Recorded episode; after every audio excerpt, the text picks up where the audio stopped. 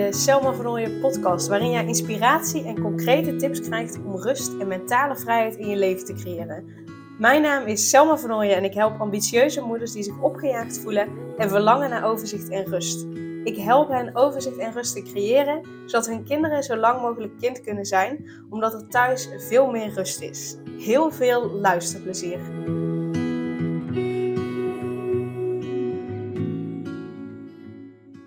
Met deze aflevering uh, ga ik iets uh, met je delen hoe ik tegen een situatie aankijk. En ik weet nu al dat ik waarschijnlijk een aantal mensen voor het hoofd ga stoten. Dus um, merk je dat je getriggerd wordt door wat ik zeg, reageer het dan niet op mij af. Maar um, ga bij jezelf na. Wat in mij wordt er nu getriggerd? Waardoor word ik getriggerd? Wat zijn de gedachten die naar boven komen? Maar wat in mij wordt er getriggerd? Heb ik, krijg ik misschien zelf het idee dat ik iets niet goed doe? Of uh, um, wat dan ook. Maar kijk vooral voor jezelf waardoor jij getriggerd wordt. Want ik zeg iets en het zijn in principe maar woorden. Maar als het je triggert, als het je raakt, als je erdoor geïrriteerd wordt, als je je verdrietig voelt daardoor, dan is het omdat er iets in jou geraakt wordt. En dat heeft dan verder niets met mij te maken, maar vooral met jou. Dus ik nodig je ook uit om daarin dan deze aflevering en ook andere afleveringen, als je getriggerd wordt, uh, maar om dus naar jezelf te kijken. In plaats van dat je uh, uh, mij lastig valt en zegt, nou ja, dat je het er totaal niet mee eens bent, dat je vindt dat ik geen gelijk heb, dat het niet goed is, bla bla bla. Ehm, mag je echt naar jezelf kijken. Um, dus dit eventjes als intro. Wat wil ik met je delen? En I know, ik uh, ben nog geen moeder, als in, ik heb nog geen fysiek kind hier rondlopen. Uh, uh, dus ja, we spreken elkaar wel op het moment dat ik dat wel heb. Dus I know, ook die argumenten hoef je niet aan te geven. ik heb op een BSO gewerkt. op de dinsdagen en donderdagen waren daar 80 kinderen. Dus ik weet ook hoe het is om, zeg maar, onder druk, onder een opgejaagd gevoel, onder drukte uh, toch met kinderen te zijn, kinderen te helpen, ervoor te zorgen dat zij zich gezien voelden, gehoord voelden. Dus uh, um, ja, dat is niet helemaal vergelijkbaar. En ik weet wel hoe het is om, om vanuit zo'n omgeving toch zoveel mogelijk te proberen rustig te blijven. En dat lukte mij ook niet altijd. En ja, daarin was ik ook niet altijd zoals ik het graag had willen doen. Hè? Uh, en daar vertel ik je zo meer over. I know. Dus het is ook niet dat ik met wat ik zo meteen ga delen, wil zeggen dat je het altijd volgens het boekje tussen aanhalingstekens moet doen. Maar ik, wil je graag bewust laten zijn, want mijn ervaring is, als je het wel op deze manier aanpakt, dat de situatie veel sneller uh, opgelost is. Nou, waar gaat het over? Uh, ik was afgelopen week uh, met een vriendin van mij op de camping. Uh, zij sliep daar drie nachten en ik ging daar een nachtje bij slapen. En um, de eerste dag was het heerlijk weer. Hebben we lekker aan het zwembad gelegen. En terwijl ik aan het zwembad lag, uh, was er een, uh, een ja, gezin naast mij. Uh, vader, moeder en een aantal kinderen. En een van die kinderen, ik heb totaal geen idee wat er is gebeurd. Maar volgens mij die ouders ook niet per se. maar dat kind, dat kwam ja, huilend, jammerend uit het zwembad. En um, dat kind was verdrietig. Er was iets gebeurd of er was iets aan de hand of I don't know. Maar het kind was verdrietig. En het enige wat steeds tegen dat kind werd gezegd: Je kunt normaal tegen mij praten. Praat normaal tegen mij. Praat normaal tegen mij. Maar dat kind was zo verdrietig dat het niet, ja, normaal tussen aanhalingstekens, en wat is normaal, hè?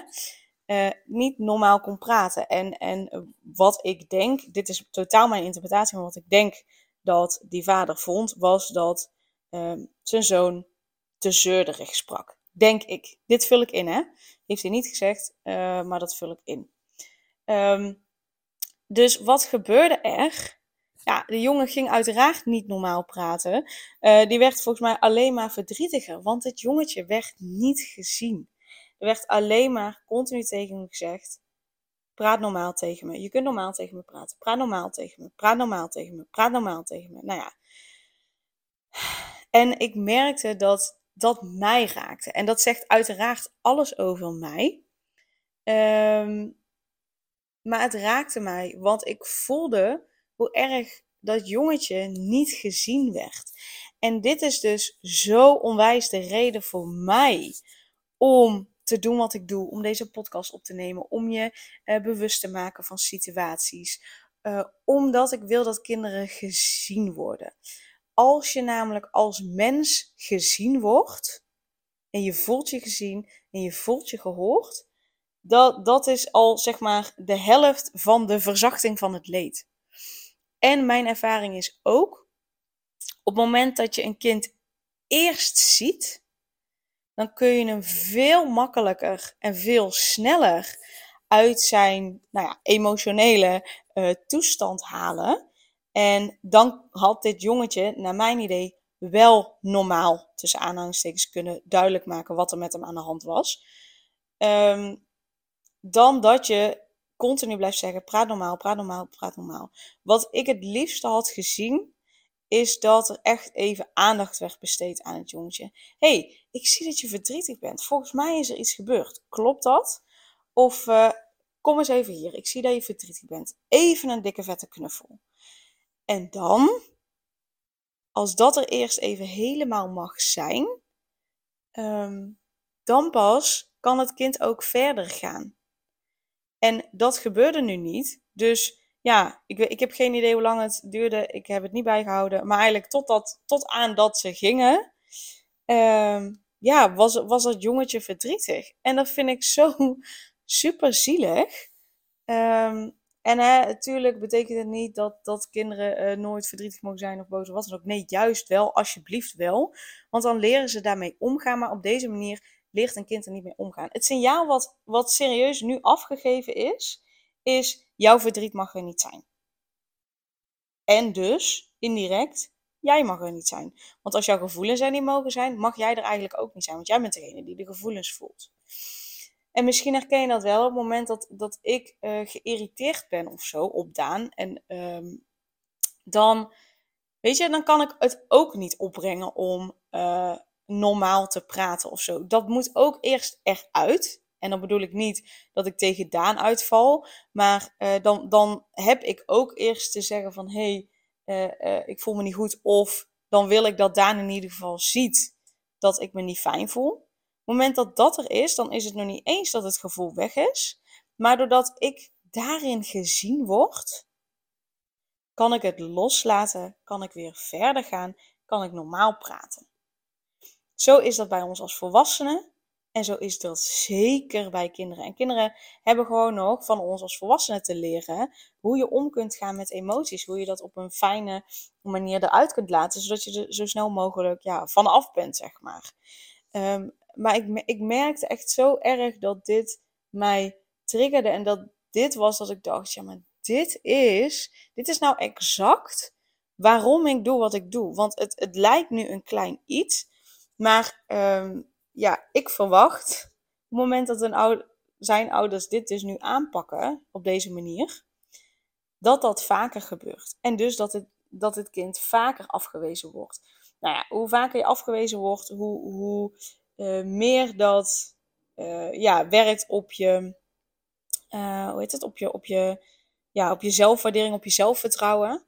dus hoe vaker jij het signaal krijgt, hey, mijn gevoelens mogen er niet zijn, dus ik mag er niet zijn. Hoe meer je dat dus uh, gaat geloven en hoe meer je dat dus onbewust implementeert in je leven. Ja, en dat is hopelijk, mag ik hopen, niet wat je voor je kind wilt, toch? En zeker niet, neem ik aan, als je deze podcast luistert, dan is dat zeker niet wat je wil. Want je wil juist net het beste voor je kinderen. En ik snap ook, hè, uh, uh, op de BSO, met 80 kinderen, aan het eind van de dag, als ik tot 6 uur moest werken. Ja, dan was ik op een gegeven moment er ook wel klaar mee. En dan kon ik ook niet altijd even rustig bij een kind gaan zitten als die de aandacht nodig had. Of daarom vroeg op een vervelende manier om er, erbij te gaan zitten en het kind te zien. zeker niet als er dan ook nog uh, iedere keer weer ouders binnenkwamen. Die wilden ook gezien worden, want die wilden ook een overdracht, weten hoe het was gegaan. Ja, dat, ja, dat ging niet altijd. Dat snap ik ook. echt oprecht. Het is ook echt niet erg als je dat wel eens doet, als je dat wel vaker doet. Ik snap het. We zijn geen robots. We zijn niet perfect. Absoluut niet. Uh, en ook dat is oké. Dus ook dat is, is helemaal prima als kinderen dat zien. Zolang je maar dan daarna aan kunt geven, joh, sorry. Ik zag dat je dus straks verdrietig was en ik heb je daarin niet gezien. Sorry. Als je dat kunt zeggen, dat scheelt al zoveel. Daarmee laat je namelijk ook zien van, hé, hey, papa en mama weten ook niet altijd wat het beste is. En, en zijn ook niet perfect. Uh, maar op het moment dat je dat kunt zien, uh, uh, kunt zeggen en dan sorry aan kunt bieden, dan is dat ook oké. Maar wat ik gewoon vooral hoop is um, um, dat je en ook tegelijkertijd niet zo streng bent voor jezelf, maar ook ziet dat um, je denkt er misschien snel van af te zijn door de gevoelens te herkennen. Maar mijn ervaring is echt op het moment dat, um, dat je het erkent, dan gaat een kind alleen maar harder schreeuwen of langer schreeuwen. Uh, uh, om aandacht of langer huilen. op het moment dat je echt even stilstaat. Ik, ik geloof oprecht, op het moment dat dit jongetje echt even op schoot was genomen, uh, een dikke knuffel had gekregen, um, dan was het sneller voorbij geweest. Of op schoot was genomen en, en er tegen was gezegd: hey, ik zie dat je verdrietig bent. Wat is er? En als je dan in een piepstemmetje praat, wat je niet kunt verstaan, dan zeg je: hey, ik snap dat je verdrietig bent. Ik hoor het ook aan je stem. Maar als je op die manier praat, dan kan ik je niet goed verstaan. En ik wil je graag helpen. Dus zou je uh, uh, je best willen doen om ja, op een normale manier, maar goed, wat is een normale manier? Uh, zou je best willen doen om heel eventjes de tranen in te slikken, zodat je wat beter kunt praten. Of dat je zegt van, hé, hey, ga eerst nu eens goed huilen en dan daarna, dan hebben we het erover wat er is. Dat zijn verschillende manieren en er zijn vast nog meer manieren. Maar eerst moet het eruit voordat je fatsoenlijk, voordat iemand fatsoenlijk kan communiceren, fatsoenlijk kan vertellen wat er is. En het kan best zijn, doordat het er mag zijn, het eruit komt dat er daarna al geen issue meer is. Maar echt, ik ben er honderdduizend procent van overtuigd dat het veel eerder klaar is. Um, op het moment dat er eerst ruimte is dat het er mag zijn. Dat is ook wat ik bijvoorbeeld bij mijn neefjes zie van vier. Die kan niet zo heel goed tegen zijn verlies. Um, en ja, dat levert hem soms frustratie op. En op het moment dat ik boos word, bijvoorbeeld omdat hij gefrustreerd is, dan duurt het alleen maar langer en dan escaleert het alleen maar meer. Wat ik dus doe, is, is het verdriet echt te laten zijn. En inderdaad zeggen, joh, ja, het is inderdaad vervelend als je verliest. Dat, dat is geen fijn gevoel en jij mag nu even verdrietig zijn. Nou, dan is je even verdrietig, dan is het eruit. En daarna of dan kiest hij ervoor om weer verder te spelen en dan raakt hij nog een keer gefrustreerd. Of, uh, of we gaan iets anders doen. Maar uh, ik merk gewoon dat door het er eerst te laten zijn, dat het daarna veel sneller weggaat, het verdriet.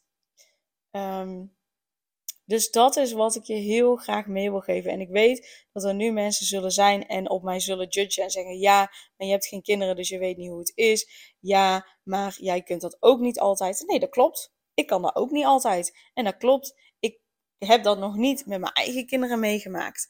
Um, en daarbij heb ik genoeg ervaring uh, met dus een BSO vol 80 kinderen. En ik kan je vertellen, dat is heftig. Dat is echt heftig.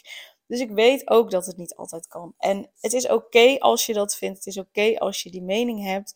Um, en daarin is het interessant voor jezelf ook om te gaan kijken van hé, hey, uh, maar waarom uh, ja, leg ik de beschuldiging bij Selma en denk ik ja, maar jij weet niet wat het is, want um, ja, jij weet niet hoe het is, want je hebt nog geen kinderen.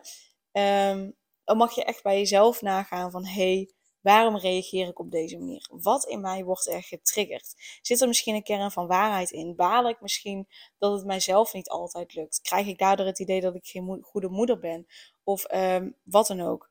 Wat in jou wordt er getriggerd? En, en trust me, ik wil hier echt niet mee zeggen dat, dat hè, als het je niet lukt, dat je geen goede moeder bent. Juist net niet. Ik wil je juist net helpen om je hiervan bewust te zijn. Daarom geef ik je ook manieren hoe je mee om kan gaan. Ehm, zodat je hiermee kunt oefenen. En weet dat je echt van harte welkom bent bij mij om uh, in een traject te stappen of één sessie bij mij te boeken, zodat we het er samen over kunnen hebben en kunnen kijken, oké, als dit een situatie is die zich voordoet bij jou thuis, wat kun jij daar, wat kun jij dan doen? Wat past bij jou? Um, dus weet dat ik je daarin ook zeker, zeker wil helpen. Um, maar kijk vooral ook wat wordt er getriggerd. En ik wil helemaal niet zeggen dat je geen goede moeder bent. Totaal niet. Ik weet zeker dat je een goede moeder bent. Anders zou je deze podcast niet luisteren. Want je wil het beste voor je kinderen. Alleen weet je gewoonweg niet altijd misschien hoe dat moet. En dat is helemaal oké. Het enige wat ik wil is je helpen om een nog betere moeder te zijn dan je nu al bent. Want je bent goed genoeg. Je bent goed zoals je bent. Dus dat wil ik je nog wel meegeven, dat dat zeker niet mijn intentie is. Dus um, neem uit deze podcast mee wat voor jou relevant is. Heb je vragen? Stel ze gerust uh, via een DM of stuur een mailtje naar info.selmavannooien.nl En Nooien schrijf je met N-O-I-J-E, dus zonder N op het eind en met maar één O. Dus kijk even ook hoe je de podcast schrijft. info.selmavannooien.nl En dan um, ja, kan ik eventueel met je meekijken. Yes? Dus, hele fijne dag en dankjewel voor het luisteren. Super leuk dat je weer luisterde naar een aflevering van de Selma Vernooien podcast. Dank je wel daarvoor. En ik deel in deze outro nog een aantal belangrijke punten. Als eerste is het mijn missie om ervoor te zorgen dat alle kinderen van Nederland zo lang mogelijk kind kunnen zijn. En dat begint bij hoe jij je voelt als ambitieuze moeder. Daarom maak ik deze podcast voor jou en voor je kind of voor je kinderen. Gun je je kinderen dus ook een vrije en gelukkige jeugd, zodat ze zo lang mogelijk speels, vrij, onbevangen en onbezonnen kind kunnen zijn Vraag dan nu mijn gratis e-book aan 8 tips voor ambitieuze moeders om meer rust in je leven te creëren via mijn website www.selmavernooien.nl slash gratis-e-book. Ten tweede, wil je alle podcastafleveringen overzichtelijk onder elkaar en wil je als eerste op de hoogte gebracht worden als er een nieuwe podcastaflevering online staat? Abonneer je dan op de podcast door op de knop volgen, subscribe of abonneer te klikken. Ten derde, ondersteun je mijn missie en wil je ook helpen om alle kinderen van Nederland zo lang mogelijk kind te laten zijn? Laat dan een review achter in de podcast-app via waar je deze afleveringen luistert. Hoe meer reviews, hoe beter de podcast vindbaar is en dus hoe meer ambitieuze moeders en hun kinderen ik kan helpen. En tot slot, ken je andere ambitieuze moeders voor wie deze podcast interessant zou zijn? Deel dan gerust een aflevering met hen of deel een screenshot van deze aflevering op je social media en tag mij daarin. Wil je mij een vraag stellen of contact met mij opnemen? Dan kan dat via info.selmavernooien.nl of via het Instagram account Selma Nogmaals, super dankjewel voor het luisteren en tot de volgende keer.